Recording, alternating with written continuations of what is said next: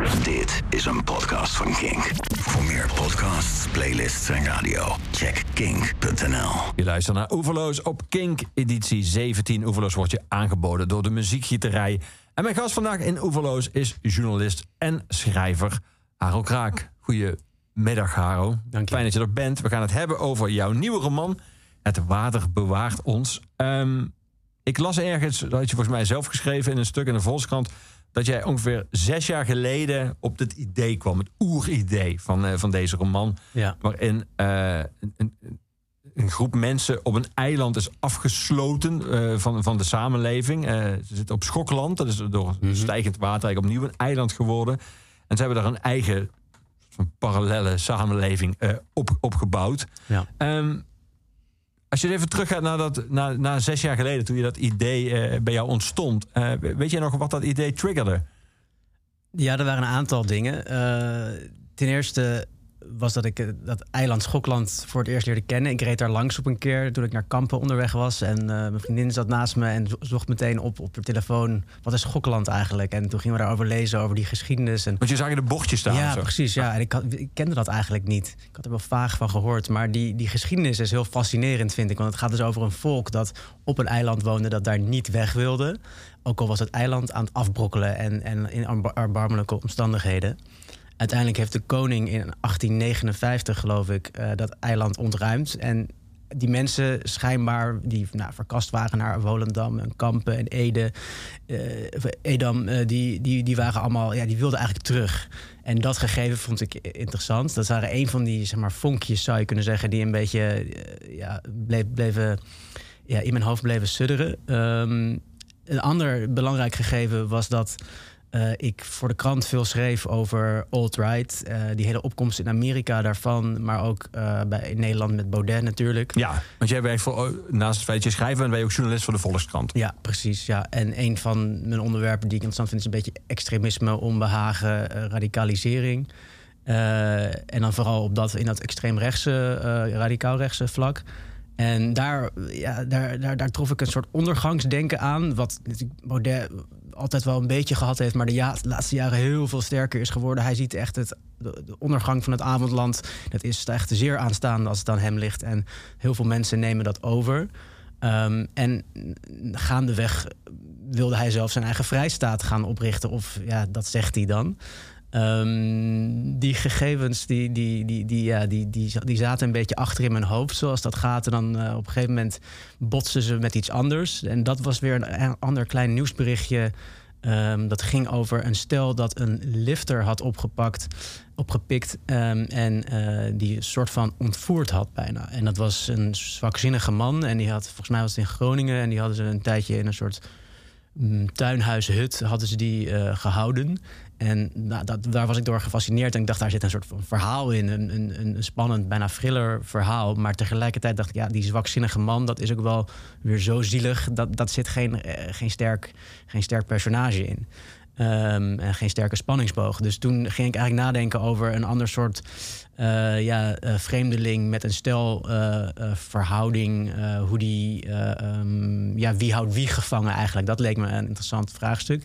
En zo ja, kwamen op een gegeven moment die, die dingen botsten op elkaar. En, en toen begon ik met dat ene beeld van een, een lifter die opgepikt wordt en naar het eiland Schokland wordt meegenomen. En toen moest je het nog schrijven. Ja, dat, eh, zo- gaat dat, ja. Ja. En dat duurde ook eh, die, die volle zes jaar daarna? Nee, ja, omdat ik dus fulltime werk, is dat, is dat eh, zeker niet de volle zes jaar geweest. Maar eh, ik, eh, wat, hoe bij mij ga, va- vaak werkt, is dat ik dan een beetje in weekenden of zo, of in tussenuren of op vakanties, daar een beetje aan ga lopen klooien. En dat gaat dan helemaal niet, totdat ik een beetje een beginnetje heb. En toen op een gegeven moment dacht ik van, nou, nu moet ik er echt hier langer aan werken, anders komt dit nooit af. En ehm, toen ben ik twee maanden naar Amerika gegaan. Ben ik aangenomen bij een soort writers residence. Beste plek ooit om te schrijven. In the middle of nowhere. Een landgoed eh, twee uur ten noorden van New York. En daar, eh, ja, daar, daar, daar, daar kreeg ik een kamertje en daar ben ik gaan schrijven. En dat was zeg maar zes weken ongeveer. En eh, dat is in 2019. En sindsdien heb ik eigenlijk drie jaar lang herschreven in weekenden, vakanties, tussenuren. Ja. Ja. En je gaf in dat stuk wat je voor de Volkskrant enkele weken geleden aan... het schreef al aan dat eigenlijk in die jaren daarna sommige eh, ontwikkelingen die, die eh, bij jou nog een soort van toekomstbeeld waren, een dystopisch toekomstbeeld, dat die min of meer eh, jouw verhaal inhaalden. Dat sommige zelfs onwaarschijnlijke verhaallijnen die je bedacht had, of details of macabere details van zo'n zo'n samenleving, opeens daadwerkelijk of werkelijkheid werden of werden geopperd als, als, als ja, als een soort van toekomstbeeld door onder meer alt-right en door, door, uh, door Thierry Baudet. Ja. Het lijkt me een rare gewaarwording. Dat je, terwijl je nog zit te schrijven, zit echt te schraven het verhaal dat er een soort van af is. En sommige dingen komen al uit. En niet alleen uit, ze, ze hollen je boek bijna voorbij. erger. Ja, de eerste keer dat het gebeurde, werd ik er heel zenuwachtig van. ik zat uh, in, in, in, in dat schrijfkamertje uh, in Amerika en ik had besloten, nou, ik ga geen nieuws volgen, ik ga geen Twitter volgen, ik ga even helemaal geconcentreerd zijn. Nou, hou je natuurlijk niet altijd helemaal aan. Eén keer check, check ik Twitter. Staat het helemaal vol met iets over euthanasie, iets over abortus, iets over Thierry Baudet en Michel Houellebecq. En ik dacht, wat is dit nou weer? Dus ik ging dat essay wat Thierry Baudet op dat moment geschreven had lezen. En waarin hij onder andere zei dat, uh, ja, dat het heel erg was dat, dat Nederlanders zelfmoord konden plegen en, hen, en het ongeboren leven konden afbreken. Nou, dan weet je als hij die termen gebruikt voor euthanasie en abortus, welke kant hij uh, staat. En um, ja, hij, hij gaf eigenlijk uh, de hele individualisering en emancipatie van vrouwen uh, de schuld van allerlei uh, ja, een verval van traditionele waarden van familie in de, in, in de samenleving. Ja. Um, en dat was wel, dat zijn allemaal dingen die ik in dat boek al aan het beschrijven was. en, en dat is ook misschien niet heel gek, want in, in, in, op de Bijbelbelt zijn dat soort opvattingen op sommige plekken heel normaal natuurlijk. Um, SGP is daar ook ongeveer uh, mee eens. Ja. Um, dus, dus, dus in die zin dacht ik ook van... het is niet per se gek dat het gebeurt... maar ik had toch niet verwacht, zoals altijd bij Baudet... van is hij nog gekker aan het worden? En nou ja, dus dat werd hij dus wel. En uh, ik had ook bijvoorbeeld een, een soort uh, uh, mensen kunnen, kunnen, kunnen vrouwen verraden op dat eiland als ja. ze abortus verpleegd hebben. En dat dacht van, nou, dat is wel een beetje. Moet, moet ik dat nou wel zo, zo opschrijven? Uh, en ze konden er ook nog een klein tipgeld uh, voor krijgen. En, en toen, ik geloof een paar maanden later, was dat nieuws uit Texas. Dat er een wet was aangenomen waarbij mensen dus ja, een, een, een soort bonus, een, een bounty konden krijgen van 10.000 dollar, geloof ik, als de mensen aangaven en aanklaagden. En nu zijn we natuurlijk uh, afgelopen tijd nog veel verder gegaan met dat, het, dat, dat ja, abortus om op de helling is komen te staan. Het Hooggerechtshof uh, waarschijnlijk gaat besluiten dat helemaal terug te draaien in ja. 50 jaar wetgeving. Ja, ja dus, dus uh, om terug te komen, ja, in het begin werd ik daar zenuwachtig van.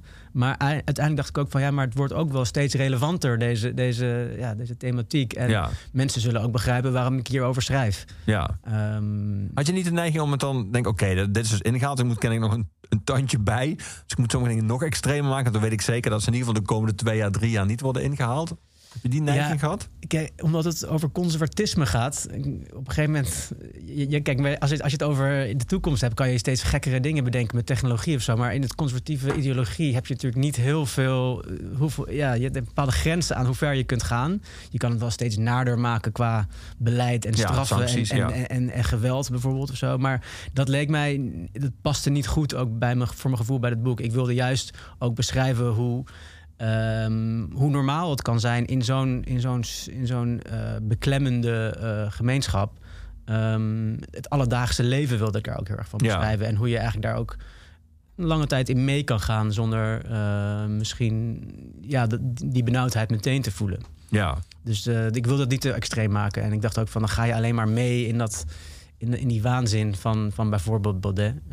dus dat wilde ik niet. Ja, wil je ook daarmee, want je haalde op een ook uh, een essay aan in de London Review of Books uh, over dat het bijna met non-fictie onmogelijk is geworden om deze tijd nog te duiden en te begrijpen. En dat eigenlijk fictie inmiddels een betere manier is om die uh, ambiguë manier van hoe onze wereld in elkaar zit, om, om daar een soort van vinger achter te krijgen. Was dat voor jou ook een motivatie voor dit boek? Wilde je iets meer snappen van deze tijd door over zo'n ontwikkeling te schrijven?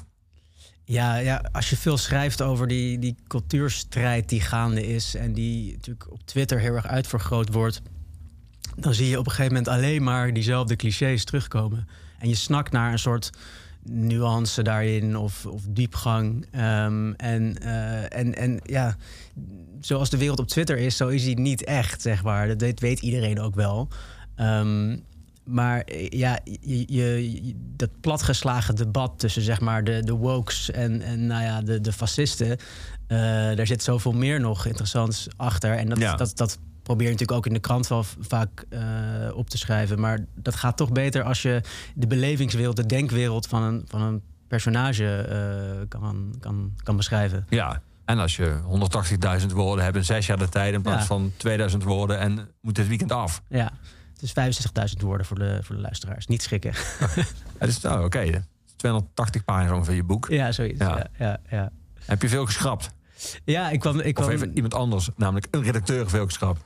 Nou, er, er is wel eh, ge- gesuggereerd om, om sommige dingen iets strakker te maken, inderdaad. Maar toen heb ik ook op het eind, eh, in de laatste week of zo, heb ik, nou, een week misschien een beetje overdreven, maar aan de laatste periode heb ik nog opeens 5000 woorden eh, geschrapt. Omdat ik dacht van, soms kom je dan in een soort van flow van schrappen. En dan denk je, van, dit kan eigenlijk ook wel weg. En dan- niet overdrijven natuurlijk, zo flow. Heb je denk ik je een kort verhaal. maar ik, ik, ik kwam uit Amerika met iets van, eh, ik denk 72.000 woorden of zo. En, en, en daar, daar gingen dus uiteindelijk nog heel veel van af. Terwijl ik er ook nog best, best wel wat bij heb geschreven. Dus ja, je, je, je leert gaandeweg steeds meer wat de kern is van het verhaal, denk ik. Ja. Dat idee, dat ondergangsidee, hè? Eh, Mhm. eh, jij bent nu 35. Ja. Dus jij was, ongeveer, jij was een puber in de, in de, in de millenniumwisseling tijd. Ja, ja ik, eh, ik groeide op in de 90s. zeg Ja. maar. ja, ja. Ja. Ja. En ik ben iets ouder dan jij, dus ik heb, ik heb die tijd. Dat is voor mij was dat de eerste confrontatie met het feit dat echt best wel op grote schaal mensen dachten dat de wereld binnen afzienbare tijd zou kunnen vergaan. hè. Ja. En mensen gingen toen hamsteren, mensen raakten in paniek en er waren allemaal verhalen over dat misschien eh, alle computers dat niet aankonden, die, Ja. die grote eh, overgang van, van data, zeg maar, en dat daardoor allerlei systemen zouden uitvallen.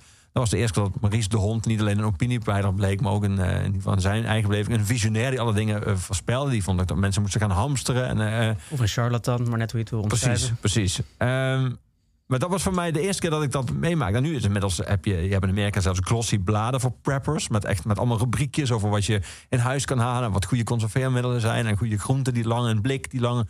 En nog wapens om je te. Ja. een hele apocalyptische denken. En ook alvast, alvast denken over een post-apocalyptische samenleving. En hoe erin te overleven. Dat is wel iets, iets groter geworden. Maar dat was voor mij toen de eerste confrontatie daarmee.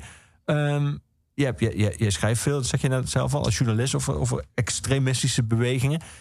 Wat, heb jij het gevoel dat dat de laatste tijd of de laatste decennia dat dat meer is geworden, dat denken? eh, Veel meer, Dat, dat, de wereld gaat dat de wereld vergaat.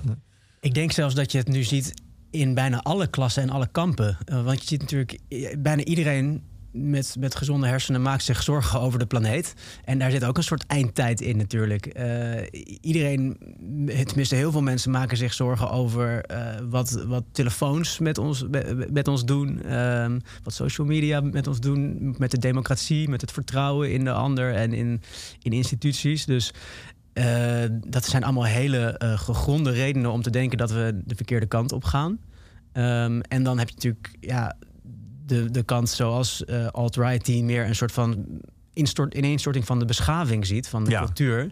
Dat, wat ik ook wel interessant vind eh, in zekere zin, eh, ik ben het er totaal niet mee eens, maar ik begrijp wel dat als je soms kijkt naar hoe decadent of plat of eh, ja, onbeschoft wij kunnen zijn, dat je dan ook denkt dat, dat, de- dat deze beschaving op een soort tipping point ja, staat. hè, zoals het Romeinse Rijk net het in elkaar dat stortte. is natuurlijk het voorbeeld waar Ja. naar, waarnaar verwezen Over wordt. clichés gesproken inderdaad. Ja, ja, ja. Ehm, dus ja, de- ik denk dat er eh, heel veel redenen zijn om te denken dat, eh, eh, dat we de verkeerde kant op gaan. Maar ook dat, er, dat er heel veel andere theorieën de ronde doen die steeds populairder geworden zijn. Ehm, en ja, gemeengoed zijn geworden zijn, zou, ik- zou ik bijna zeggen. Ja. Ik, ik, ik denk niet dat er heel veel mensen denken van... nou, de jaren negentig, da- dat was helemaal eh, kut. De, de, dat, dat we moeten, ja...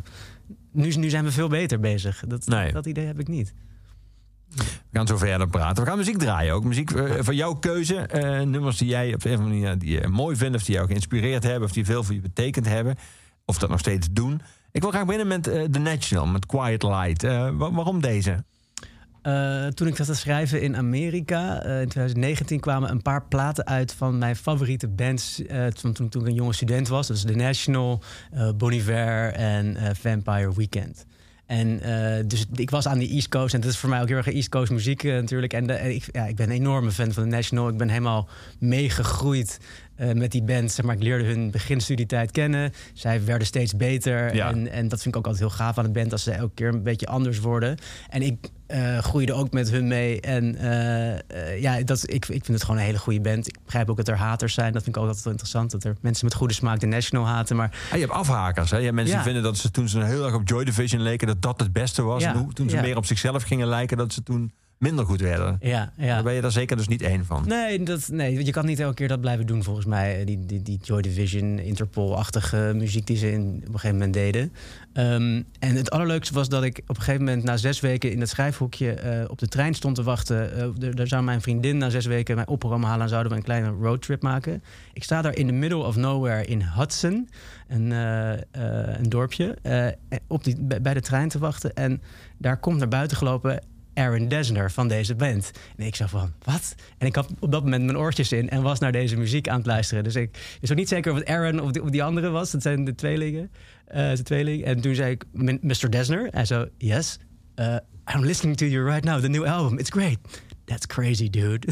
zei hij. Toen liep hij heel snel door met zijn rolkoffer. Ja, En, eh, hij wist ook ik- dat John Lennon is vermoord door een fan. Dus Weg hier. Ja, maar dat vond ik zo, zo idioot dat je zeg maar aan die Ja. East Coast bent, er echt in de middle of nowhere, dat je hem dan tegenkomt terwijl je aan aan het luisteren bent en ja, een mega fan bent. Dus dat was een heel dierbaar momentje. Ja. Heb je ook vaak live gezien? Ja, heel vaak. Ja, ja. Dus van de eerste keer in de Melkweg tot aan zeg maar, de grote Alfa of zo. eh, ik weet niet zeker of ze daar maar de, grote, de grote hallen Op Lowlands, eh, op ja. Lowlands. Eh, de eerste keer de Melkweg is een vriend van mij nog zelfs flauw gevallen eh, eh, de- tijdens die act. Eh, Dus moest jij de zaal uit? ja, nee, volgens mij heeft een andere vriend hem van me- laten liggen? Ja, Nee, nee, ik heb hem laten liggen. nee, ik heb ze heel vaak. Ik, denk dat ze, ik denk ze negen keer gezien hebben of zo. Ja, het is echt, ja, ja, ja, nog steeds fan. We gaan naar luisteren. Quiet Light van The National.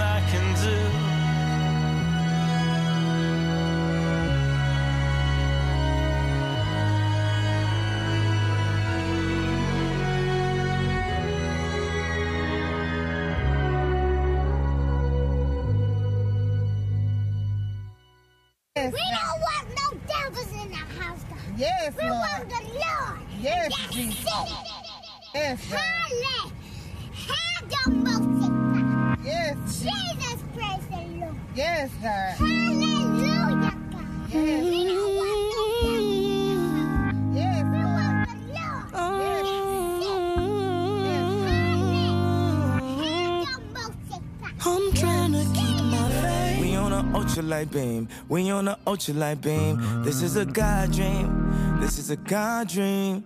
This is everything. This is everything. Deliver us serenity. Deliver us peace. Deliver us love. Yeah. We know we need it.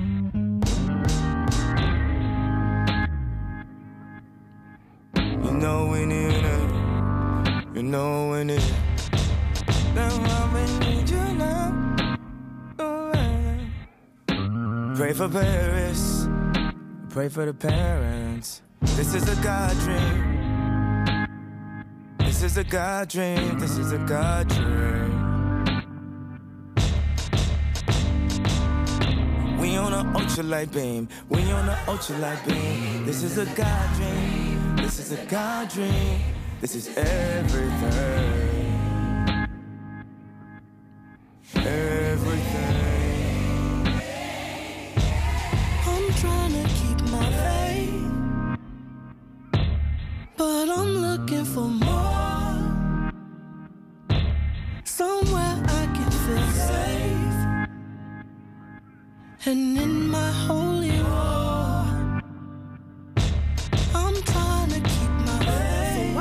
oppression, not blessings? Why, oh, why you do me wrong? You persecute the weak because it makes you feel so strong. Don't have much strength to fight, so I look to the light to make these wrongs turn right.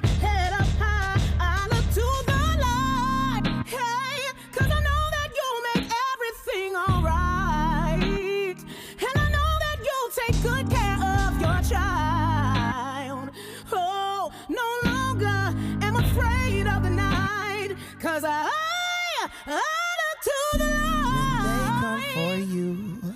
I will shield your name. I will field their questions. I will feel your pain. No one can judge. They don't, they don't know. They don't know. Foot on the devil's neck to the drifted Pangea. I'm moving all my family from Chatham to Zambia. Treat the demons just like Pam. I mean, I fuck with your friends, but damn, Gina. I've been this way since Arthur was Anteater. Now they wanna hit me with the woo after bam. Trying to snap photos of family. uh, My daughter look just like Sia. You can't see her. You can feel the lyrics, the spirit coming in braille. Tumming of the underground, come and follow the trail. I made Sunday candy, I'm never going to hell. I met Kanye West, I'm never going to fail. He said, let's do a good ass job with Chance 3. I hear you gotta sell it to snatch the Grammy. Let's make it so free and the bar so hard that it ain't one gosh darn part. You can't tweet. This is my part, nobody else speak. This is my part, nobody else speak. This little light of mine. Glory be to God, yeah. I'ma make sure that they go where they can't go. If they don't wanna ride, I'ma still give them raincoats. Know what God said when he made the first rainbow? Just notice at the end of too late for the intro. Uh, I'm just having fun with it. You know that a nigga was lost. I laugh in my head cause I bet that my ex looking back like a pillar of salt. Uh, cause they flipped the script on your ass like Wesley and Spike. You cannot mess with the light. Look at the channel from 79. On an ultralight beam. We on an ultralight beam. This is a God dream. This is a God dream. This is everything. Hallelujah. Everything. I'm trying to keep my faith, but I'm looking for more. Somewhere I can feel safe. And in my holy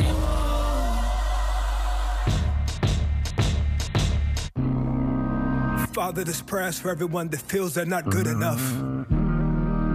This prayer's for everybody that feels that they're too messed up. For everyone that feels they said I'm sorry too many times. You can never go too far when you can't come back home again. That's why I need.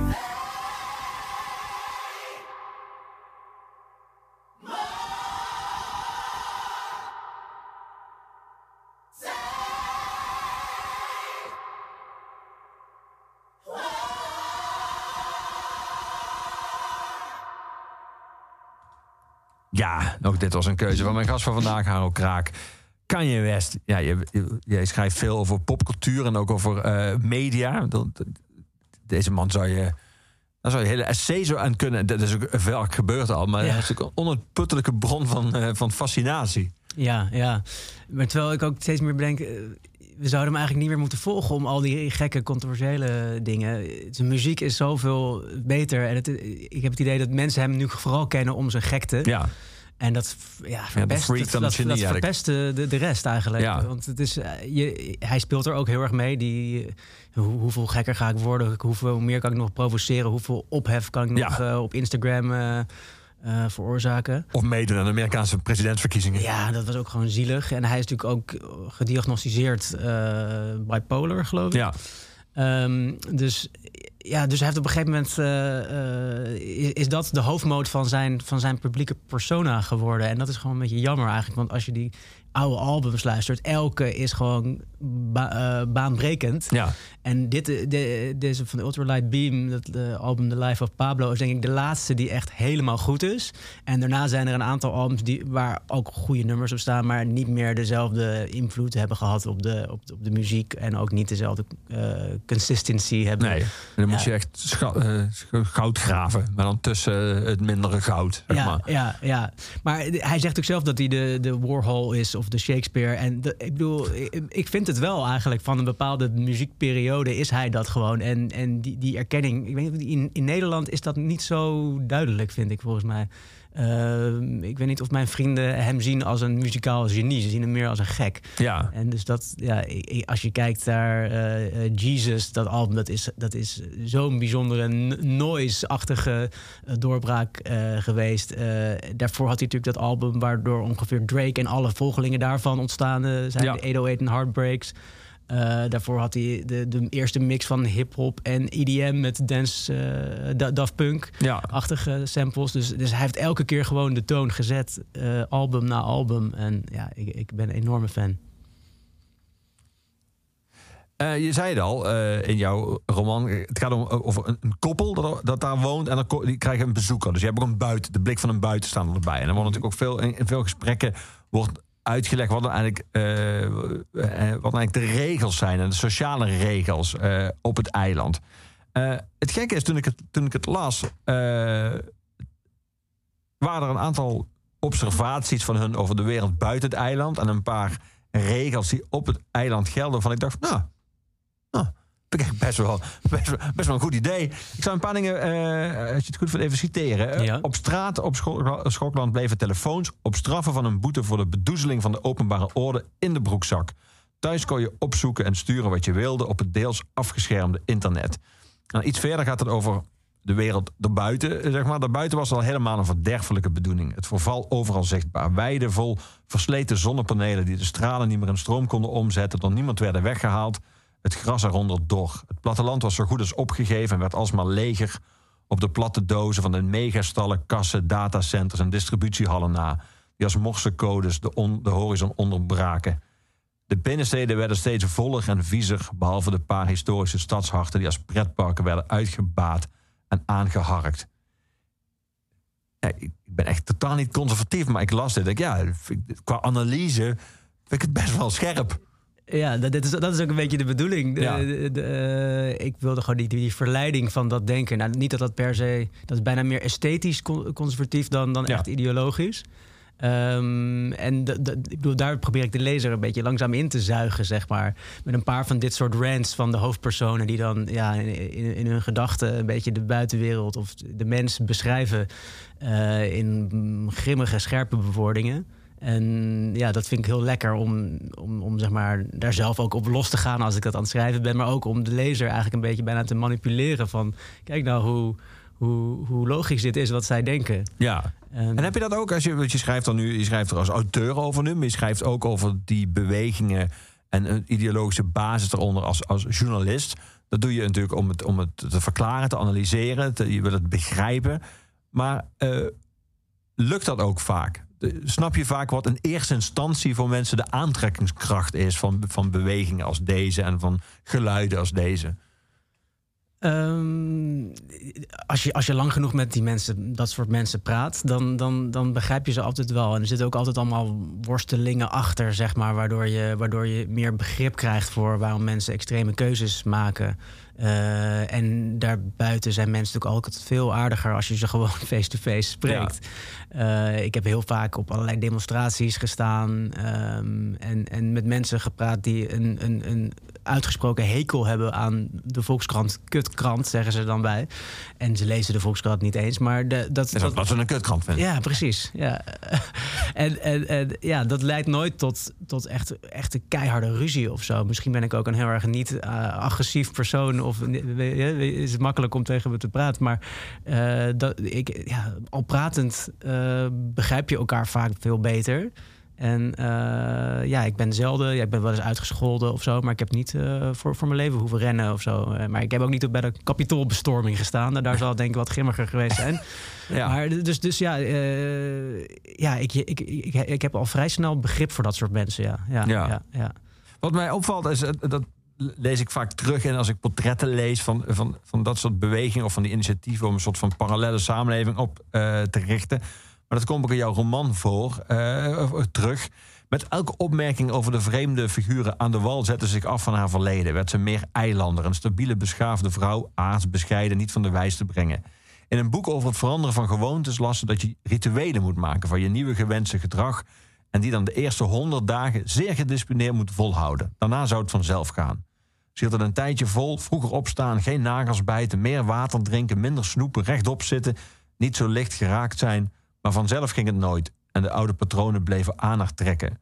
Dat idee dat als je een nieuwe samenleving opricht of, of deel gaat uitmaken van een nieuwe samenleving, dat je dan ook een nieuw mens wordt, een beter mens, dat, is wel, dat lijkt heel hardnekkig. Dat idee dat je niet jezelf meeneemt naar, eh, naar een nieuwe samenleving, maar dat als we iets nieuws opricht met z'n allen, dat we dan ook van, als, bijna als vanzelf betere mensen worden. ja. Eh, hoe, hoe zie jij dat? Want dat, je zou kunnen zeggen dat is ongelooflijk naïef.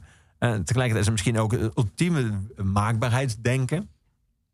Ja, eh, zeker. Maar ik denk dat het heel erg typisch menselijk is om altijd een, een, een, een, groot verlangen te hebben om een, nieuw, een nieuw, eh, nieuwe versie van jezelf neer te zetten. En heel erg te boetseren aan een soort identiteit. Eh, dat doen we natuurlijk op allerlei manieren. Ik zie het bij mijn vrienden. eh, dan wordt er aangekondigd van... ik ga nu een zoveel dagen challenge van dit Ah, ja. doen. Of eh, weet je wel, of... Op nou 1 ja, januari vaak. ja, inderdaad. Dat soort dingen. En, en, eh, en, en het is bij alle dingen in het leven die je denkt te willen, bijvoorbeeld. Eh, ik eh, heb een soort van vage droom om ooit nog een keer muziek te gaan maken. En dan download ik een programma als Ableton waar je muziek mee kan maken. En dan denk ik een paar, paar, paar weken of maanden dat ik daar heel goed in ga worden. En dat ik ooit een liedje op Soundcloud ga zetten. En dat dat op een magische wijze zich gaat verspreiden eh, over het internet, viral gaat. En dat ik dan... eh, Dan dat- lyrisch recensie in de Volkskrant. Ja, ja, ja. Zoiets. Maar dat is, gewoon- je houdt jezelf heel makkelijk voor de gek. Ja, met dat soort ja. dingen. En je bouwt een identiteit ehm, op basis van, eh, ja, van een soort van verlangen. En ik heb een keer een interessant interview met eh, Spinvis gehad. En die zei van ja, je hebt talent en je hebt ehm, eh, wat, je, ja, wat je eigenlijk. nee, sorry, nu zeg ik het verkeerd. Ja, je, hebt, je, je hebt talent en je hebt stijl. En, Ja. en, en hij wilde heel graag op een gegeven moment een soort XX-plaat maken. Weet je, die, die band die Ja. een beetje ethisch-achtig, Ja, eh, synth. ja. eh, En, en hij, wil, hij, hij, hij, hij kon dat helemaal niet. Dus dat was een soort van verlangen wat niet in hem zat. Dus dat, moet je dat dan willen eigenlijk? En nou, dat, dat, dat, dat, dat vind ik interessant. Ehm, eh, dat, dat ja, mensen voortdurend naar iets streven waarvan je kan afvragen van... eh, wil je dat wel? Ben je er goed in? Eh, past het bij je? Eh, en dat is wat Elsa, de hoofdpersoon, Ja. heel erg mee bezig is in het boek. En, en telkens andere redenen geeft voor de dingen die ze doet. Bijvoorbeeld waarom ze deze vreemdeling in hun midden heeft genomen... Eh, eerst, eerst wordt het uit een soort van kinderloosheid eh, verklaard. Of uit een soort van verzetje uit de dag. Eh, later gaat het weer over hele andere dingen. Ik zal niet alles weggeven. Maar dat vind ik een heel interessant gegeven om, om ja, te beschrijven in de, in de psyche van zo'n personage. Ja. Toen jij, dat doe je nog steeds af en toe, maar toen jij heel veel, bijna permanent over media en mediazaken Mhm. schreef, eh, stemde je dat, dat jou wel eens cynisch als je dan je ook op social media begeeft en op Instagram en zo, dat, dat presenteren van iedereen van de beste versie van zichzelf en dat opnieuw dat voornemen om de betere versie van jezelf te worden. Dat, dat, dat, is, dat is vrij hardnekkig geworden. Dat is ja, zeker natuurlijk op sociale media, Ja. omdat dat ook het platform is waarin je dat het best kan uiten. Eh, dus mensen die niet die behoefte hebben om een soort van. eh, eh, ik ga mijn spiritualiteit tot een businessmodel. die zie je dus ook niet. Die, die, die, die, die, ja, die zijn gene- genegeerd in dat model. En dus ja, het is, ik, ik word er enorm cynisch van als ik zie.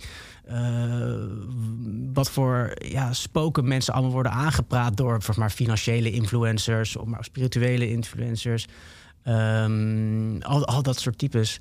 Ehm, waar begon de vraag ook weer? Nou, of je, do- Ja. die, die heb je net beantwoord. Of Ja. je dat wel eens cynisch stemt. Antwoord is Ja. dus ja. Ja, en, en maar natuurlijk, natuurlijk over media natuurlijk veel schreef. Dan, je wil niet de hele tijd cynisch schrijven daarover. Dus ik probeerde wel altijd eh, eh, ja, er een soort van open voor te staan. En misschien nog wel meer dan ik daadwerkelijk stond. Ja. En dat ging op een gegeven moment misschien ook wel een klein beetje tegenstaan. Dus de hele tijd dat je die... wil eigenlijk een betere versie van jezelf worden. ja, ja, ja. Het is niet leuk om. Ik vind het tenminste zelf helemaal niet leuk als je hebt van die columnisten die altijd over alles cynisch of over alles relativerend zijn. En daar word ik gewoon helemaal heen van. Ja. En eh, dus, dus ik wilde dat niet. Eh, inderdaad, weer zo'n verlangen. Ehm, en ehm, eh, ja, dus, dus, dus ik was ook wel blij dat ik op een gegeven moment dat ik die wereld niet meer eh, zo goed hoefde te volgen voor mijn werk. Ja, dat is, eh, ja. was ik wel klaar mee. Want je hebt inderdaad mensen die eh, uitdragen hoe goed ze iets doen of hoe goed ze iets gaan doen. Maar, het tegen, zeg maar de tegenbeweging is eigenlijk net zo mistroostig af en toe. Eh, namelijk dat je, als je dan kwetsbaar bent, dat is dan ook heel erg het uitventen van je kwetsbaarheid. Ja, dat is dan ook een klein een soort businessmodel geworden. Dat je dan ook vertelt dat je nu. En dan, of dat doe je om likes of om aanmoediging... of om dan vervolgens blijkt er iets achter te zitten... wat weer verkocht moet worden. Ja, dat vind ik eigenlijk erger misschien Ja. wel. Dat, dat, dat, dat heeft eh, Roxane van Ypres ooit genoemd eh, geregisseerde kwetsbaarheid. Ja. Dus je stelt je enorm kwetsbaar op. En dat is ook een soort van, oh, dapper, weet je wel. Dat, Dapper, is, ja. en dat is echt het woord dat je dan natuurlijk... Ja. Eh, eh, hartjes en, en klappen op, op, op social media. Maar het is altijd op het moment dat je, dat je, dat je er al overheen bent, zeg maar. Of eh, eh, het is om een soort van intimiteit te creëren. Van kijk, kijk mij ook gewoon zijn. Ik heb ook een bad hair day. En dat zegt Ja. dan Anna Nushin, die er geweldig uitziet, zeg maar. Weet je wel? Ja. Eh, en dan denk ik echt van, jezus, ja, al die meisjes die dit nu kijken... denken van, "Ah, jij denkt dat je een bad hair day hebt... maar je ziet er zo goed uit. Hoe slecht zie ik er dan uit? Zeg maar. En die hele body positiv- positivity die daarbij eh, hoort... die is juist een beetje giftig volgens mij. En ehm, ja, dus, dus eh, ja, dat, dat, dat, dat, ik vind dat eigenlijk eh, de ergste manier van likes harken, zeg maar. Ja. Door, je, door je zo ja, ja, heel erg zielig voor te doen. Of zelfs je kinderen daarvoor in te zetten op social media. Ehm, ja, dat, dat, dat, dat, dat, eh, ben ik niet, ben ik niet oké mee. Kom je daar kom je ook wel eens het tegenovergestelde tegen? Oh, namelijk de goede voorbeelden. Zijn er ook influencers die, eh, die, die goed doen voor de wereld?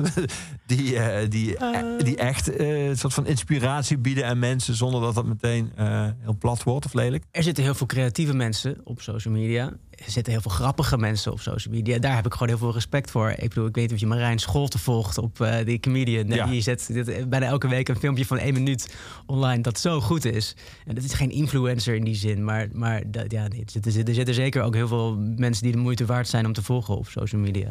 Ja. Ja, zeker.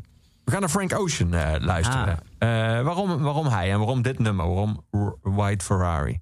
Ehm, ja, Frank Ocean is denk ik de grootste obsessie geworden van me van de afgelopen jaren. Obsessie zelfs. Ja, het is omdat hij dus een soort totale eh, eh, schaarsheid aan, aan wat hij over zichzelf en aan wat hij aan muziek de wereld ingooit. Eh, en, en wat hij de wereld ingooit is heel goed, maar moet je ook heel erg tot je nemen om het echt goed te waarderen, omdat het heel eh, understated is, zeg maar. En, en het is heel intiem, dus hij weet een soort melancholie in al zijn eh, teksten te we- verwerken. En een soort dat je, ja, je hebt het idee dat je alsof, alsof hij in je oor fluistert, een beetje, zeg maar. En, en ja, ik vind hem een, een prachtige stem hebben, die hij ook nog eens op allerlei manieren hervervormt de hele tijd. En ehm, ja, ik heb ook een hele theorie over waarom hij al jaren nu- geen, geen nieuwe albums eh, heeft. Hij, hij had namelijk volgens mij een album klaarstaan. En toen ging zijn broertje dood. En hij had een paar platen die heel erg zeg maar, up-tempo waren... met een soort van dance-achtige eh, beat erin. En volgens mij, daar is hij zeg maar, helemaal kapot van geraakt... want zijn broertje is in een dodelijk auto-ongeluk terechtgekomen. En ik denk dat hij toen niet die plaat wilde uitbrengen... die zo'n beetje, een beetje dance-achtig was. En dat, hij, dat we daarom al, al bijna zes jaar wachten... op een nieuwe muziek van hem, eh, zo'n beetje. Ehm, en, en, en, en dus ik hoop dat hij op een gegeven moment weer met iets gaat komen. Maar dat is natuurlijk een prachtig spel wat hij speelt. Gewoon, hij geeft zo weinig en mensen zijn zo hongerig. Ja. Dat is natuurlijk zoveel beter dan de hele tijd alleen maar zenden, zenden, zenden. Eh, en ja, het is gewoon prachtige muziek. Maar maakt het ook deel van jouw theorie uit dat uiteindelijk dat album dat dan komt reflecteert op zijn laatste jaren en dat verlies? Dat denk, ik- dat denk ik wel, ja. Ik denk ja, dat, hij, eh, dat, het, dat het weer meer een introspectieve plaats zal zijn, ja. Ja, ja. we gaan naar hem luisteren. Frank Ocean. Bad luck to talk on these rides. Mine on the road, your dilated eyes. Watch the clouds float, white Ferrari. Had a good time. 16, how was I supposed to know? And you know anything? I let you out at Central. I didn't care to stay the plane. Kept my mouth closed. We're both so familiar. White Ferrari. Stick by me, close by me. You will find, you will find. As this the slow ride. Left when I forget to speak. So I text the speech, lesser speeds, Texas speed, yes. Basic takes its toll on me eventually, eventually, yes. I on me eventually, eventually, yes. I care for you still, and I will forever. That was my part of the deal. Honest, we got so familiar. Spending each day of the year, white Ferrari. Oh, good times.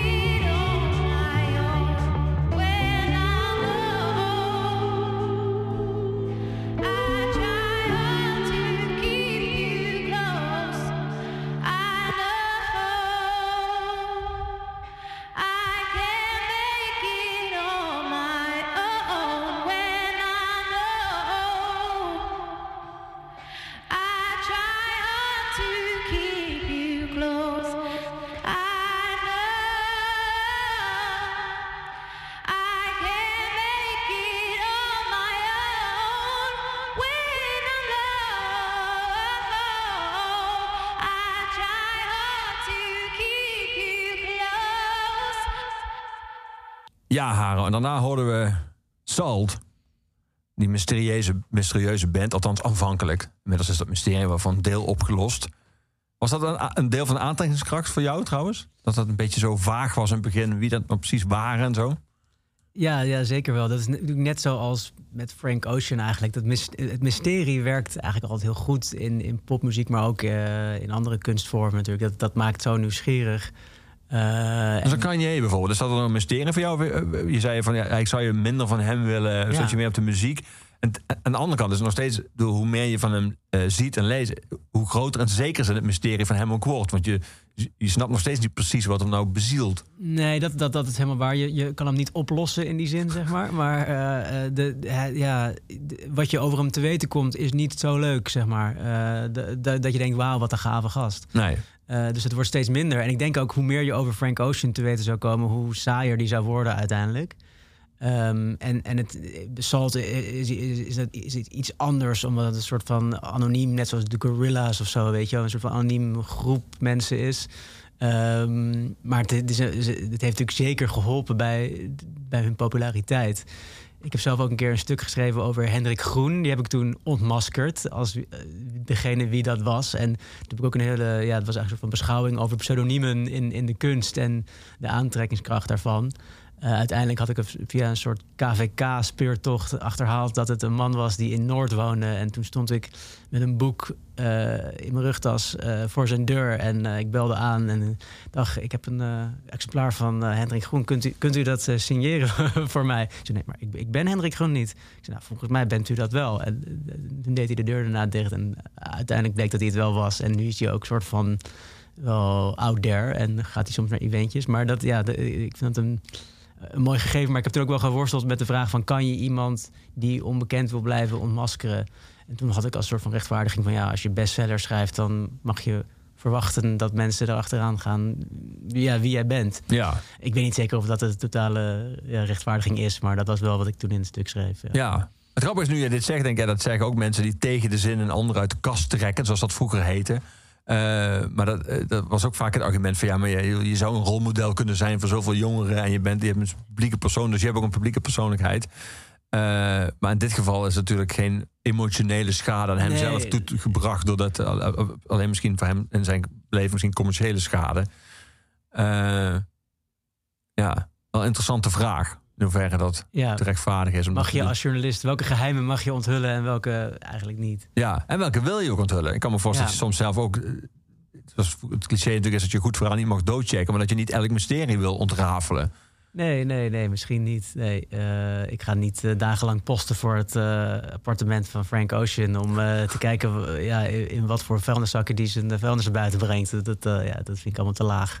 En als Frank Ocean een ongelooflijke lul blijkt... wat zou er dan veranderen in jouw beleving van zijn muziek? Ja, dat is wel een goede. dat, dat, daar, daar worstelt natuurlijk met meerdere artiesten heel erg mee. Bijvoorbeeld eh, R. Kelly vond ik vroeger heel gaaf. Gelukkig vind ik dat nu niet meer zo gaaf, behalve op een soort van ironisch cultniveau. Dus dat kan ik heel makkelijk gewoon weglaten. Ik denk ook te veel aan zijn, aan zijn, aan zijn wandaden als ik dat luister. Want het gaat ook over soort van Ja. geiligheid en, en kleine meisjes en al dat soort dingen. Eh, dus, maar ik kan wel nog bijvoorbeeld Michael Jackson luisteren. En, eh, en, en niet denken aan, aan de dingen die hij heeft gedaan. En ik was zelf een enorme Michael Jackson fan toen ik klein was. Altijd als vrienden van mijn ouders mij zien na zeg maar 10 jaar, 20 jaar of zo, dan zeggen ze altijd van ja, en je hebt ons toen gedwongen, eh, eh, of je, ja, je hebt ons gedwongen om te kijken naar jouw moonwalk op, op, optreden. Dus dan altijd hoor ik dat, dat ik zeg maar, toen ik 10 jaar oud was, zeg maar, iedereen bij elkaar haalde van jongens, nu ga ik mijn Michael Jackson impersonation doen. Dus jij dwong mensen ook, dus zijn leek je echt op hem. Ja, grensoverschrijdend gedrag eh, in 1998. Maar jij kon de moonwalk. Nou, dat, ik kan me het nauwelijks meer herinneren. Maar kennelijk deed ik, deed ik dat toen altijd. Ik hoor het altijd. En ik was een enorme fan van hem. En, en, en in, in, in zekere zin begrijp ik nu ook mensen die bijvoorbeeld die, ehm, voor Zwarte Piet zijn. En die eh, dan te horen krijgen dat dat niet meer mag. En hoe dan je jeugdherinneringen daarin worden besmet, zeg maar. En dat heb ik een heel klein beetje bij Michael Jackson gehad. Van Michael Jackson is van mij, denk je dan. Ja. Eh, en ik heb mijn, mijn, mijn jeugd daar al wel hele mooie herinneringen. En toen was hij ook al weird, dat wisten we ook wel. Maar eh, we deden het ermee, zeg maar. En, en nu ja, is de vraag van, kan je nog Human Nature lu- luisteren? Eh, of eh, ja, eh, ja, moet, je, moet je dat boycotten. Ja, ik, ik, ik heb daar ook een keer een artikel over geschreven. En een paar dingen is daar volgens mij belangrijk aan. Verdient die persoon er nog geld aan? Nou, Michael Jackson niet meer. Ehm R. Kelly nog wel. Dus dat is al een overweging volgens mij. Luister je het in je eentje of zeg maar op een festival met een groep en vereer je die, die, die, die, die persoon. Dus dat zijn de afwegingen die je erbij kan maken. Eh, eh, En het gewoon radicaal. Springsteen zei ooit: trust the art, not the artist. Als je het gewoon radicaal scheidt. Als je kan zeggen: je hebt gewoon de muziek, de kunst en de kunstenaar. En die twee zijn voor mij volledig los van elkaar. Of is, Ja. dat, eh, is dat eigenlijk alleen maar als theoretisch model? eh, Nee, maar heel veel, mensen, heel, heel veel mensen zeggen dat. Maar ik vind dat ook ergens gemakzuchtig. Want dan hoef je er ook gewoon helemaal niet meer over na te denken. Eh, ja, de, de- de- dat... er zijn nog genoeg andere dingen waar je dan van nou, kan denken hoor. Dus die zin. Ja, ja, ja, maar nee, nee, natuurlijk. Je kan in het leven over van je alles kan nadenken. kiezen om één ding makkelijk te maken. Maar, maar het, het, het komt over als een soort van intellectueel heel goed punt. Maar het is ook gewoon het afsluiten van de discussie. Eh, en ik, ja, ik, ik denk toch echt wel dat er, dat er gradaties zijn in, in een bepaalde kwaadaardigheid. Eh, op een gegeven moment moet je zeggen van... Nou, hier willen we niks meer mee te maken hebben. Kijk, Pablo Picasso was misschien ook een lul. Dat, dat weten we niet. Dat weten we misschien wel. Maar ja, eh, R. Kelly is gewoon duidelijk nu eh, nog, nog levend. Hij is veroordeeld. Eh, en eh, iedereen die nu nog zijn muziek luistert, die, die sponsort zijn, zijn leven. Eh, dus ik probeer dat niet meer te doen. Dat het wel gebeurt, ja, da- daar ga ik niet echt eh, keiharde uitspraken over doen. Want daar hou ik ook niet van. Maar ik vind wel dat je dat niet helemaal kan scheiden. Nee. Zeker niet als het het totaal onderdeel is van die mythe die iemand over zichzelf creëert. Die- hele asshole-mythe en de hele ge- geniale mythe. Dat, dat- al die teksten gaan er bijvoorbeeld over. Dat, dat, ja, dat, dat vind ik toch heel lastig om dat helemaal los te zien van elkaar. Ja. Je ziet wel nu, als je dat dus niet los van elkaar ziet, maar dan probeert van in gradaties te zien hoe ingewikkeld die gradaties blijken te zijn. Ja, Eh, totaal. Alleen al in Nederland, of Bilal of Little, Klein, is iedereen het dan wel over eens. Maar mag je dan mag die niet meer op festivals en hoe lang dan niet? En Ja. eh, in die zin is het een soort van moeras waar je in terechtkomt. Want ja, het het ligt ook aan wat je zelf erg vindt. En wat je, dat speelt natuurlijk ook mee. Sommige dingen vinden sommige mensen erger dan andere mensen. Eh, Ja, ja. Nee, ja, die, die- dat, dat, dat, ja, de gradatie van hoe erg iets is, dat is ook nog een hele factor erin. Maar bijvoorbeeld Bilal, die dan eh, eh, ja, een kleine jongen zijn piemel heeft laten zien op een Instagram live filmpje. Die is een jaar later gewoon weer eigenlijk vrij probleemloos aan het werk. Ik kan dat ergens begrijpen, omdat ik niet denk dat die intentie van hem daar heel slecht was. Maar ja, wat- is mijn eh, gedachte over een intentie? Maar ja, ik, ik, ik, ik, ik, denk toch elke keer weer dat het erop neer zal komen dat mensen toch, vrij, toch sneller weer terugkomen dan we, dan we nu denken met alles met cancel culture en wat dan ook. Ehm, ik denk ook dat Lil Kleine, daar zijn we nog niet vanaf. Eh, en ja, ja, en, en ik, ik, ja, ik vind hem niet sympathiek en ik vind zijn muziek niet goed. En hij heeft ook dat maakt het ook makkelijker. Dat maakt het voor mij heel Als je, makkelijk.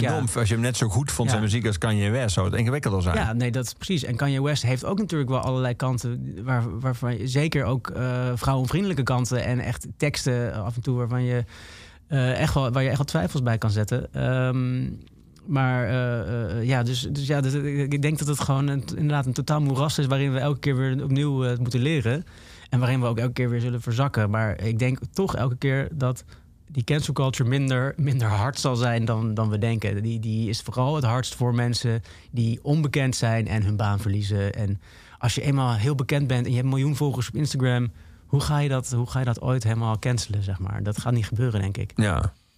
Een andere interessant eh, discussie over, eh, over talent en over artiesten is eentje die in jouw roman terugkomt, namelijk dit gesprek.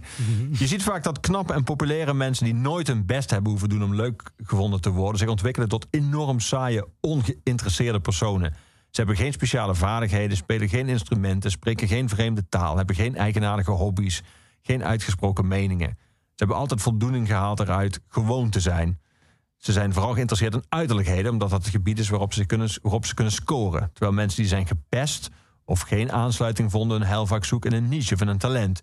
Die hebben later sterk de behoefte om zich te bewijzen. Ik zou zweren dat bijna alle interessante kunstenaars, schrijvers, wetenschappers en muzikanten niet tot de populaire kliek op school behoorden. En dan komt de repliek, ja, maar je kunt je afvragen of ze niet sowieso grote geesten waren geworden, los van het pesten. Ik denk dat heel veel van die mensen in on- in ontwikkeling zijn geremd, juist omdat ze onzeker waren of buitengesloten, buitengesloten werden. Dat is een debat in jouw boek. Waar sta jij in dit debat? Ehm, ja, het zijn gedachten die ik allebei eh, heb gehad. Wel. Je bent in gesprek met jezelf. Ja, ja, dat is eigenlijk altijd als je een dialoog schrijft. Ja. Eh, ik, ik heb ook altijd bij schrijvers die ik lees, want ik zie, ik zie dat elk personage een andere versie van jou is, zeg maar. Maar dat- ik denk dat het bij mij ook wel een beetje waar is. Ehm, en en ik, ik, ja, ik, vind het ook, ik vind het ook leuk om dat soort dingen dan net iets eh, eh, meer uit, uit te vergroten dan ik het zelf zou zeggen. Maar ik denk dat er wel een kern van waarheid in zit. Mensen die alles hebben meegehad in hun leven, eh, hebben minder de noodzaak gehad om zich op een bepaalde manier te onderscheiden. Ehm, en en eh, ik, ik, ik vind ook dat er een enorme. Ja, ik weet niet, het is misschien raar om te zeggen, maar dat er zo'n mainstream cultuur in Nederland is. Waarom zijn er zo weinig. Eh, ja, eh, hoogopgeleide mensen die echt in alternatieve eh, muziek en, en, en kunst zitten, weet je wel. En dat heeft er denk ik mee te maken dat heel veel mensen het allemaal gewoon zeg maar, de, de, de, de wind in de rug hebben gehad. Eh, dus dat, dat, ja, dat, eh, dat is iets waar, waar ik denk ik ook als kleine, kleine puber echt veel over na heb gedacht. Gewoon, want je, je- als puber voel je je natuurlijk al heel snel een soort outsider. Ja. En ik had dat ook wel. Eh, terwijl ik ook eigenlijk alle, als je alle feiten op een rij zet, had ik niks te klagen. Maar ik was niet per se one of the most cool people.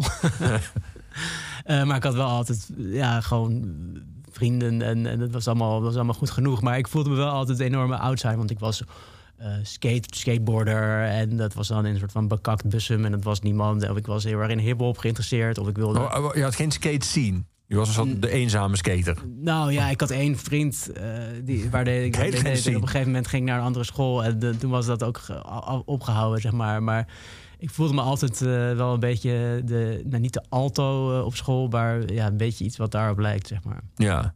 Werd je gepest? Nou, nee, niet, niet, niet dat ik me kan herinneren. Wel door de oudere vrienden van mijn broer. Bij ons op school had je zo'n eh, zo'n traditie. Dan werd je in een container gegooid eh, met vuilnis. En dat is, dat, dat, dat is me wel eens gebeurd, zeg maar. Maar dat was meer van, eh, we, we kennen een mini-kraak, weet je wel. En dan gaan we hem even containeren. Nee, maar dat was niet... Dat ik- Oh, even, je, Ja. vallen zoveel termen. Mini-kraak, dat was dan de term Ja, van de mijn broer is dan kraak, ik ben een mini-kraak. En de En- container was gewoon een werkwoord. Ja, dat was gewoon een werkwoord. Ja, ja, je had een container of je had ook bijvoorbeeld een sloetik. Ik weet niet of dat een bekende term is, maar dat, is, maar dat je iemand zo... eh het is een okkernoot, ken je dat? nee, dat zijn gewoon zeg maar de, de pestachtige dingetjes. Het was wel, ons, op, ons op school was wel echt, wel echt een heel erg eh, fukkerige sfeer, zeg maar. Dat is ook een beetje dat go gooise-achtig. eh, eh, iedereen deed heel erg cool tegen elkaar. En heel erg elkaar een beetje aftroeven. Een, be- een beetje elkaar kapot maken. Maar ook je vrienden op, op een soort leuke manier. Dus dat was, dat, dat, daar moest je wel mee om kunnen gaan, zeg maar. Dat, eh, en daar deed je ook aan, mee eigenlijk. Ehm, ja, dus, dus ja, wat moet ik daar verder nog over zeggen? Niets. Mini-kraak. Die Ja, ga ik onthouden. ja. We gaan muziek draaien. Eh, laat de kerken branden. Om even een eh, brute overgang eh, te maken. Van de, de avonden. En dan de, dus met T-H-E. Ja. Waarom deze? Ehm, nou, ik, ik, eh, ik, ik vind hem een geweldige eh, eh, artiest. De, ja, Nederlandstalig. Eh, er zijn niet zoveel van dit soort echt een beetje grui- gruizige, indie-achtige Nederlandstalig. Nee. Eh, en hij, heeft, zeg maar, hij is zeg maar een punker met de stem van Herman van Veen. En dat vind ik al prachtig. Want volgens mij is het een man met een enorme ja, haat naar de wereld, maar ook haat naar zichzelf. En Ja. tegelijkertijd ook wel weer een soort fuck everybody mentaliteit. En ik heb hem voor mijn eerste boekpresentatie heb ik hem uitgenodigd om te komen spelen. Eh, en toen kwam hij eh, alleen met zijn gitaartje eh, optreden. En ik, ik vond het prachtig, maar ik denk niet dat het heel goed werkte op dat moment. En hij speelde twee liedjes die we hadden afgesproken of zo. En toen was duidelijk dat iedereen er doorheen aan het praten was, omdat niemand het kende. En ik ja, als enige nog niet. En hij ging gewoon lekker door, nog een paar nummers spelen, want hij gewoon lekker erin zat. Lekker onverstoorbaar. En dat vond ik zo gaaf. Ja. En toen dacht ik van ja, dit, ja jij, hebt, jij hebt een goede mentaliteit, zeg maar. En ik vind het gewoon hele, hele lekkere, boze teksten. Ja. We gaan naar hem luisteren. De avonden.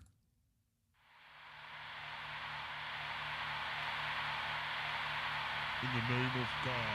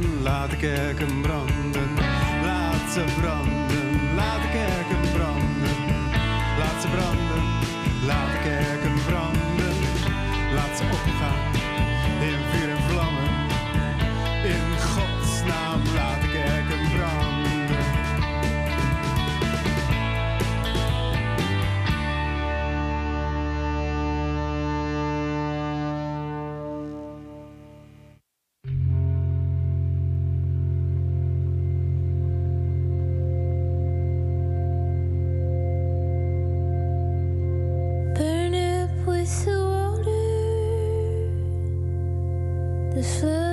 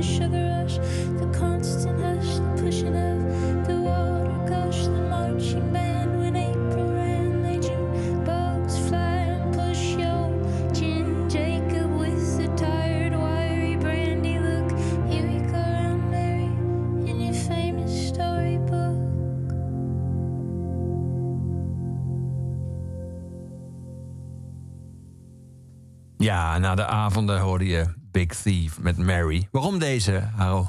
Ehm, ik was een keer naar eh, Into the Great Wide Open. eh, en ik kende één liedje van hun toen. En dat was dit, dit, dit liedje. En eh, zij speelden een soort van kerkje op het strand.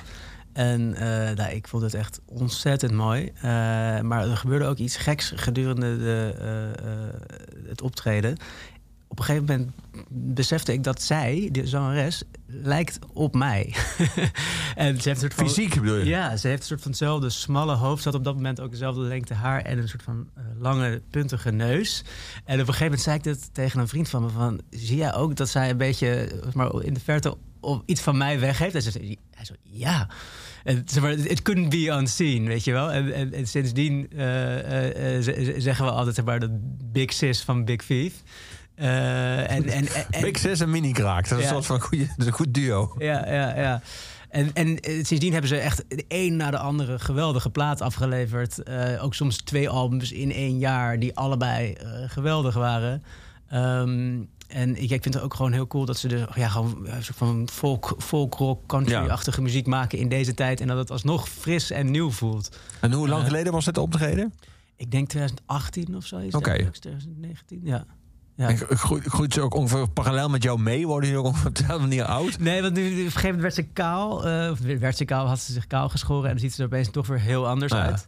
Ehm, eh, maar nu heeft ze weer wat soort van jongensachtig lang eh, haar. En ja, dat, nu, nu, nu, nu zie je het weer. Dus jij weet nu hoe hij eruit zou zien als je kaal was? Ja, of als ik vrouw zou zijn. Ja, grappig. En speelden ze dit nummer? Speelden ze Mary toen bij dat ja, ja, ja, ja, in een hele andere versie. Eh, maar haar stem, het is soms zeg maar, tegen vals aan. En dat maakt het zo, zo, Ja. zo, zo mooi, zo, zo, zo rauw, zeg maar. Ehm, ja, ik vind het... De, die, die, die, die opeenvolging van als ze zo, dat, tijdens het refrein zo heel snel zo... Ja, ik kan het niet eens uitleggen, maar dat, is, dat, is, dat vind ik zo'n mooi stukje. Ja. Voor het eerst begreep Elsa waarom mensen op een eiland wilden wonen. Hoe kleiner de plek, hoe meer verhalen bewaard bleven. Er was gemeenschapszin, een gedeelde geschiedenis, de strijd tegen de elementen, overzicht en de rust natuurlijk, waar ze zo naar snakten. Toen ik dit las, dacht ik, ja, inderdaad, veel van die, eh, van die- van die verhalen. Je kent ook fictionele verhalen over mensen die zich terugtrekken op een soort eigen gemeenschap. Is het inderdaad vaak een eiland? Is het een soort vaak een plek? Dan vond ik het zo opvallend. Je hadden net eh, Thierry Baudet aan dat toen jij en, en, en, je roman aan het werken was. Hij dat interview of dat, dat essay schreef, een soort van essay eh, over, eh over Wellebeck en er alles bij hadden. Maar ook hij heeft daarna dan die ideeën voor zijn eigen forumland. Hij heeft, hij heeft daar wel eens Groningen genoemd Ja. als, als plek. Van, eh, want dat het zo wijd zou zijn. Zo. Eigenlijk is dat heel atypisch. Ja, volgens mij zei hij dat vooral omdat niemand daar wilde wonen zogenaamd. Dat- Ja, dat zei hij volgens mij letterlijk erbij. Daar wil toch niemand wonen of zoiets. Ja, Of zo, soort zoiets. En bovendien dacht hij dan dat hij weer kon beginnen met de olie eruit pompen, geloof ik. Eh, dat, dat wil hij toch sowieso. Wat niet zo verstandig is als je er zelf woont en dan last krijgt van die aardbevingen. Maar goed, eh, op de ratio eh, moet hem sowieso niet proberen te pakken. Ehm, maar nee, ja, dat, dat, dat, dat was eigenlijk heel vreemd. Maar later heeft hij natuurlijk gezegd dat hij, dat hij eigenlijk in Urk eh, Ja, de, de, absolute meerderheid Ja. in de gemeenteraad wilde pakken. En nul zetels haalde. En nul zetels haalde. En toen ook nog een soort van legendarisch interview met die gekke lijsttrekker... die zich meteen totaal tegen de partij keerde. En, en zei dat hij alles, alles eigenlijk gelogen had. dat, hij, dat hij niks oprecht was geweest die tijd. Ja. Ja. Het is wel opvallend hoe je, eh, het begin haalde je dat een beetje aan, hoe eh, sommige elementen van het gedachtegoed van heel conservatief christelijk eh, rechts, zo in Nederland de SGP en in, in de Verenigde Staten, die hele christelijke kerk en de hele cultuur rond die tv-dominees en zo, hoe die zijn meegegaan, of andersom zou je kunnen zeggen, maar in ieder geval hoe die zijn vergroeid met populistisch rechts in Amerika, Trump en in Nederland Thierry Baudet, die eigenlijk zelf qua persoonlijk en ook gewoon qua hoe ze in het leven staan in, in de praktijk helemaal niet matchen met die Nee. strenge hele. Dat is ook een van mijn grootste verbazingen met Trump en die, en die, ja, die alliantie die hij heeft met de evangelisten. Ja. Eh, hij is natuurlijk een totaal vulgair persoon. Eh, ja, draagt in niets hun waarde uit. Nee. En toch hebben ze een soort cynisch verbond gesloten. Eh, en volgens mij zit daar ja, echt alleen maar opportunisme achter. Ehm, behalve dan dat ik denk dat de, de, de vrouwonvriendelijkheid van Trump ook wel weer past bij de dominante positie van de man in Ja. de christelijke cultuur.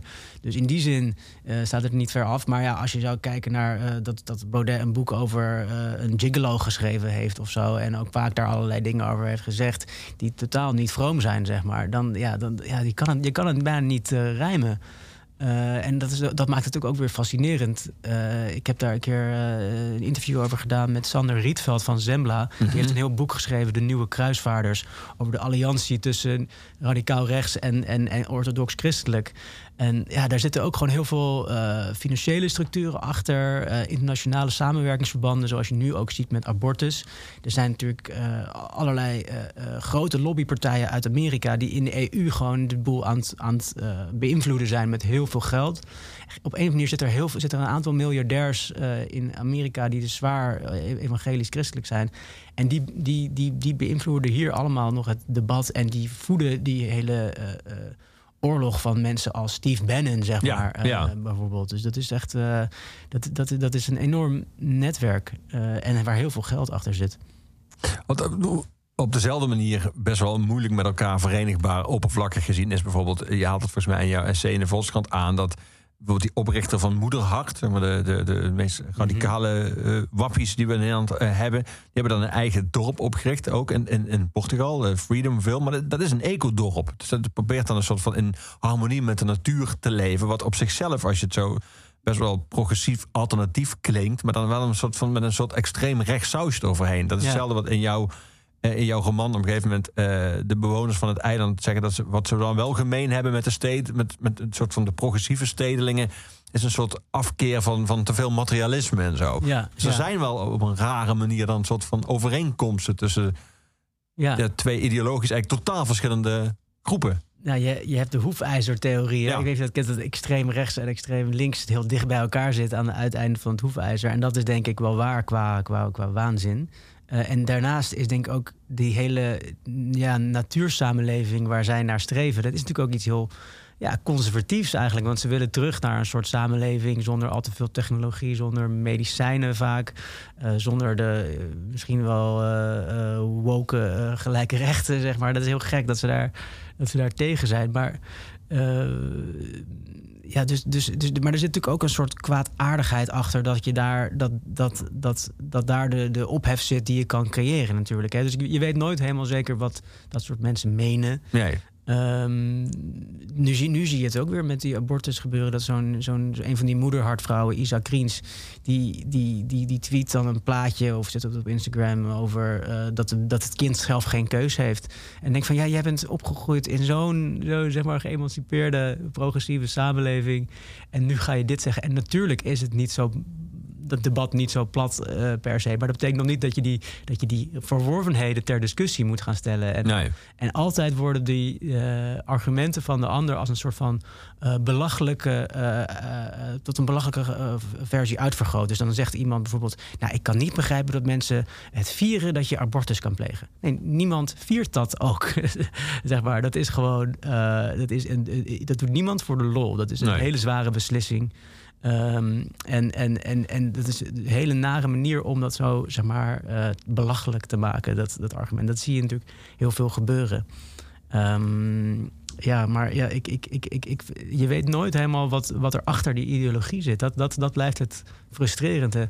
Dat heb je bij Baudet, bij Trump. Ja. Bij, bij- en, en, en toch zit er, ja, uiteindelijk kan je er wel, wel, wel van op aan dat er toch slechte intenties achter zitten. Ja. Want ze zien zelf ook wel wat de gevolgen zijn. Ze zijn niet blind. Ja.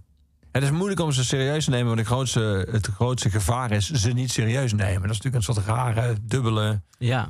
ja, terwijl andere mensen zeggen van negeren is altijd beter. Anders wat je alles wat je aandacht geeft groeit. Eh, ja, ik geloof daar niet helemaal in. Want als, die, als, als de onzin al ver genoeg gespreid is, dan kan je het beter tegenspreken dan, dan, dan ja, zijn gang laten gaan. Eh, maar je moet niet op elke, op elke snipper reageren, op elke provocatie ingaan. Nee. En zo niet op basis van gelijkwaardigheid in tv-programma's uitnodigen als een soort false balance. Want We hebben hier een wetenschapper en een totale gek en die gaan Ja. met elkaar in discussie. Want Ja, dan, debat. Wie heeft gelijk? Ja, precies. En dan mag je als kijker zelf beslissen. Nee, dat, dat moet je zeker niet Vond je dat doen. wel eens vermoeiend toen jij heel veel over televisie schreef? Je doet het nu nog steeds met regelmaat, maar men deed heel veel om, om dat allemaal te moeten kijken. Ja. Het antwoord is ja. Duidelijk. Eh, nee, eh, die talkshows. Ja, ik was op een gegeven moment zo blij toen ik eh, gestopt was met die tv-recensies... dat ik die niet meer hoefde te kijken. En daar werd ik gewoon echt een blijer mens van. Je gaat gewoon niet gefrustreerd slapen, zeg maar. Als je gewoon even een boek leest voordat je gaat slapen... in plaats van dat je het laatste uur van je dag naar Op 1 of Jinek kijkt... waar mensen totaal langs elkaar heen praten... en geen enkele ja, echt inhoud te berden brengen. Ja, daar, daar werd ik zo eh, cynisch en gefrustreerd van. Dat was helemaal niet goed voor me eigenlijk. en ja, ik, ik begrijp ook niet dat mensen dat avond na avond voor de lol kijken eh, over het algemeen. Het is, eh, ja. Is dat ook fijn van een roman als deze? Wat ik ook los van dat het gaat over, over, dat, over dat, dat koppel en een bezoek. Maar het gaat ook over een, een, ideeënroman. Het gaat ook over ideeën over de samenleving. Mhm. Als deze mensen met elkaar praten en je, of je laat ze met elkaar discussiëren, kun je natuurlijk gewoon een soort echt gesprek hebben met echte argumenten, met echte welluidende zinnen. Ik kan me voorstellen dat het ook gewoon lekker is om je daarmee bezig te houden. Met een soort van als het dan, als het dan ergens over gaat, over onze wereld, een alternatief ervoor, dat je dat mensen ook gewoon een soort van fatsoenlijk kan laten formuleren. In plaats van al die krukkige halve zinnen die dan in zo'n talkshow over tafel gaan. Ja, maar dan, als je, als je het te perfect laat formuleren, dan is het ook weer niet geloofwaardig, zeg maar. Dus, eh, dus ik, laat ze, ik laat ze af en toe natuurlijk wel een beetje debatteren. Dat, dat stukje dat je net voorlas, zeg maar. Ehm, maar ik heb ook eens dat ik een boek lees dat je denkt van... dit is zo'n droombeeld van een dialoog, dit, dit, dit geloof ik niet meer, zeg maar. Dus daar probeer ik wel een beetje voor te waken. Voor al te pretentieuze personages, zeg maar... die helemaal een soort van college geven. Ja. Eh, maar het is natuurlijk wel heel fijn dat je vanzelf kan bepalen... eh, ja, wie, wie wat zegt en daar totale controle over hebt. Ja, maar grappig dat je dat zegt. Want dat, hoe, zie je dat, hoe heb je dat bijvoorbeeld bij series? Je hebt van die serie bijvoorbeeld The West Wing of zo. Die zo eh, dat, iedereen is daar gewoon zo eloquent en ook zo scherp. En weet je, Ja. en ik heb dat je achteraf dan denkt... ah, ik had dit moeten zeggen. Maar dat Ja, zeg je dan ja, nooit ja, moment zelf. En zij hebben het altijd precies paraat en ook precies... Toch vind ik dat altijd heel lekker. Terwijl eigenlijk is het ook helemaal niet realistisch. Want Nee. zo zouden we willen zijn, maar zo zijn we helemaal niet. Nee, dat is natuurlijk die... die Aaron eh, Sorkin. Aaron, Aaron Ja. Sorkin, ja. Dit, al, zijn, al zijn films en series zijn zo. Mensen zijn super snappy. Ja. En het is ook, ja, dus natuurlijk, omdat het zo consequent is, ga je er ook in mee. Het zou gek zijn als er één personage zijn dat dat het zou kunnen. En ja, iedereen kan dat inderdaad. Ik ben net toevallig met begonnen met mijn vriendin aan de West Wing weer. Ik, ben- ik heb het nooit helemaal afgekeken en zij heeft er niks van gezien. Nou, het is meteen weer eh, genieten Ja. eh, in, die, in die hele... eh, eh, ja, hoe, hoe, hoe snel ze zijn, zeg maar. En hoe eloquent. En ook wat ik er heel mooi ding aan vind, is dat het zeg maar in de tijd was dat, geloof ik, Bush president was, hebben ze een soort van heel erg moreel juiste democratische president gemaakt. En het was, het was een soort van. eh, Voorbode van Clinton. ja, ja, ja. Ja, althans, tot ja, dat niet moreel juist, Ja. maar, maar eh, ik weet mooi dat het een soort van escapisme voor, voor, voor, voor liberals was, Ja, eh, die, ja. die, die serie. Maar ja, nee, inderdaad. Eigenlijk was het meer Obama. En zo- Eigenlijk een soort witte Obama. Ja, ja. Ja, ja, een beetje, een beetje wel, ja. Of die ook niet op van onbesproken gedrag is, trouwens. Maar ehm, nee, de- de- op ergens schrijf ik ook in, dat, in, die, in, die beschouwing die ik over mijn eigen boek schrijf... Van, het gaat erom dat je, dat, dat je dingen binnen de logica van een eigen Ja. verhaal logisch maakt. En, en, en je kan daar best ver in gaan als je de dingen eh, ja, met elkaar verbindt en ze kloppen. En je bouwt iets goed genoeg op. En je kan in kleine details kan je eh, een lezer meegeven dat, de, dat dit net een andere wereld is. En ik bedoel, als je kijkt naar Wes Anderson, eh, ja, de French Dispatch, de laatste film, dat heeft ook niks met de werkelijkheid Nee. te maken. Maar, en daar, daar kijk je het ook niet voor. Maar het is wel zo eh stijlvast. Eh, dat het in zijn gekunsteldheid eigenlijk ook heel authentiek wordt. Ja, Ja. zeker. We gaan muziek draaien. We gaan naar eh, Lauren Hill luisteren met Everything is Everything. Ja. Ehm, bij, de Fuge, bij de Fugees was je al eh, fan of ben je dat daarna geworden? Ja, dus ik was denk ik 12 toen deze plaat eh, Oké. uitkwam. Zit met een terugwerkende kracht, 98. oké. Ja, later, ik, bedoel, ik ken natuurlijk wel de bekende hits van Ja. TMF, zeg maar. Maar de, de- mijn broer had deze plaat en je hebt die prachtige voorkant. Eh, met, met, met dat bureautje waarin in het hout haar gezicht is uitgecarved, zeg maar. De Miseducation of Lauren Hill. En ik was daar heel erg door gefascineerd. Ik vond haar heel cool, ik vond haar heel mooi. Ze sloeg aan op de hoes in eerste instantie. Nou, dat, daar, daar, ik bedoel, dat is ook wat je tegenwoordig natuurlijk niet meer hebt. Maar dat enorme gevoel bij een album en bij alle liedjes die erop staan. Nu heb je toch een soort van meer vluchtige Ja. luisterervaring. En eh, ik sloeg niet aan op de hoes per se, maar ik kan me dat, die hoes nog zo goed herinneren. En die, die kleurde ook die, die hele ervaring voor mij. En ik Oh, maar ik het helemaal niet. Ik, ik, ik ken best wel veel mensen die platen, zelfs platen kopen op basis van een. Gewoon die door platenbakken ja. op basis van een hoes een plaat hebben gekocht. Ja, ja, nee, het kan goed werken. Ja. ja, Ehm, en eh, ja, voor mij was het heel erg. eh, in die periode waren er een aantal hip-hop platen die mij helemaal tot de hip-hop bekeerden, zeg maar. Terwijl ik zelf een zo wi- witter dan wit mannetje was in het gooien in, eh, en, en, en ja, in de jaren negentig. Dus de, de, die, die plaat is gewoon heel erg vormend geweest voor mijn hele smaak, zeg maar. Ja. En volgens mij de, de, de eerste zin die ze hier zegt is van... I wrote this song for everyone that struggles in their youth. Nou ja, dat is wel voor iedereen dus. Een potentieel Ja. grote doelgroep. en dat, zo, zo voelde ik me dus ook natuurlijk. Dat ik aan het struggelen was, ook al Ja. was dat niet zo. The struggle. The struggle was real. Mm. Ja, we gaan naar luisteren. Everything is Everything van Miss Lauren Hill.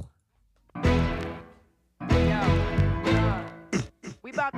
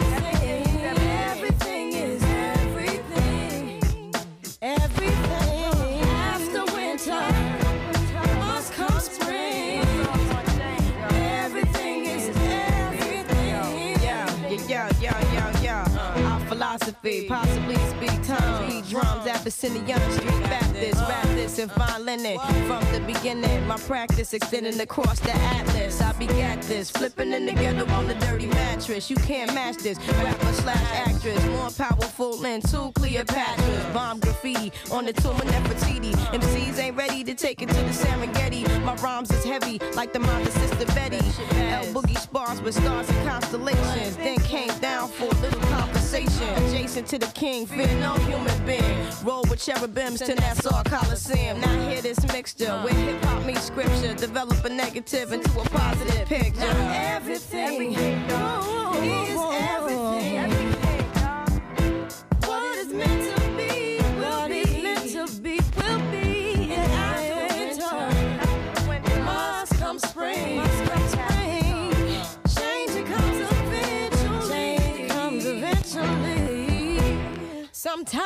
Seems. Sometimes it seems. We'll touch that dream. We'll touch that but dream. Things come slow and not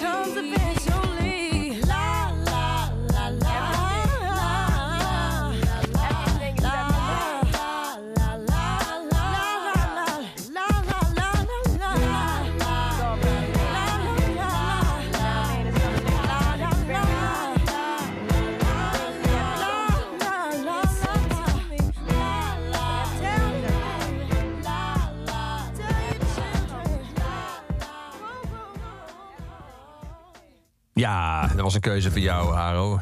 Owen Hill. Draai je hem nog wel eens? Ja, nee, Ja? dat is wel echt een plaat die... Ik draai niet veel platen van die tijd nog, maar deze, deze wel, ja. ja, ja. Ja, je, je zal ook wel moeten, want zoveel heeft ze dan natuurlijk niet meer gemaakt. Ze heeft nooit meer wat uitgebracht. Nee. Eh, ze is naar Jamaica vertrokken en eh, heeft heel veel ruzie gemaakt met heel veel mensen. Heel veel, heel veel, heel veel rechtszaken gevoerd hierover, geloof ik. Ben nooit meer echt tot wat... Ja. Ze heeft wel een tour gedaan laatst, geloof ik. Ja. Ja, nee. Ook weer een mysterie. Een probleem op eh, het eiland, op Schokland, is dat er eh, te weinig nieuwe mensen worden geboren. eh, dat er ontvolking plaatsvindt.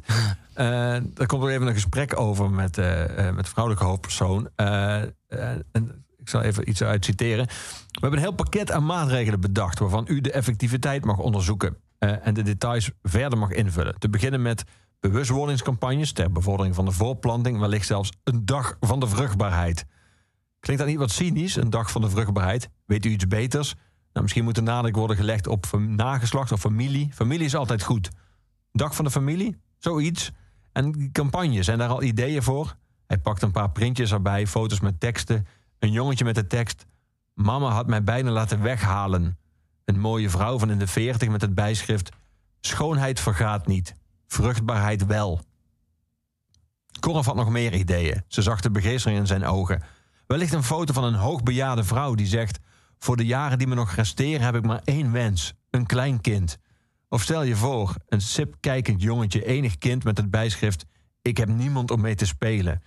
Er moet nog aan geschaafd worden. Dat laten we graag aan u over.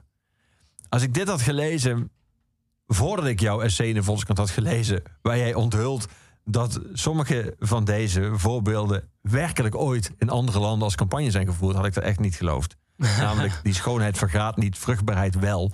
Die, die, die echt ooit als campagne bedacht. Ja, die kwam ik tegen eh, Italië. Italië schreef je. Het is ook ge- gek om te zeggen, de schoonheid vergaat niet. Want schoonheid vergaat meestal ook, zeg Ja. maar. Dus de- de- dat, dat vond ik al een gekke raad. Maar ehm, ja, dat, dat is gewoon een heel erg... eh, in meerdere landen heb je campagnes gehad... om het eh, geboortecijfer op te krikken. Ja. Volgens mij hebben we dat nooit echt zo, zo vanuit overheidswegen in Nederland gehad. Maar Nou, ik moest natuurlijk bij de term ontvolking, want die term valde jouw eh, roman als probleem voor Schokland. En, eh, eh, meteen aan de term omvolking denken, die Ja. natuurlijk heel populair is en alt-right klingen. ja, Namelijk het idee dat er misschien wel eh, weliswaar eh, kinderen worden geboren, maar eigenlijk de verkeerde. Ja. Eh, En dat er heel veel, tegelijkertijd heel veel mensen hier naartoe komen Ja. via immigratie en zo ons, ons omvolken. Ja, en dat dat ook allemaal één groot, uiteraard door de overheid bedacht eh, concept is om. Globalisten. ja, Ja. precies. Ehm, had je dat in je achterhoofd? Of, of, of ging je meer om gewoon de, de concentratie op zichzelf, die al interessant is op, op, op soort van biologie en op, eh, op, op het feit dat er meer kinderen moeten worden geboren?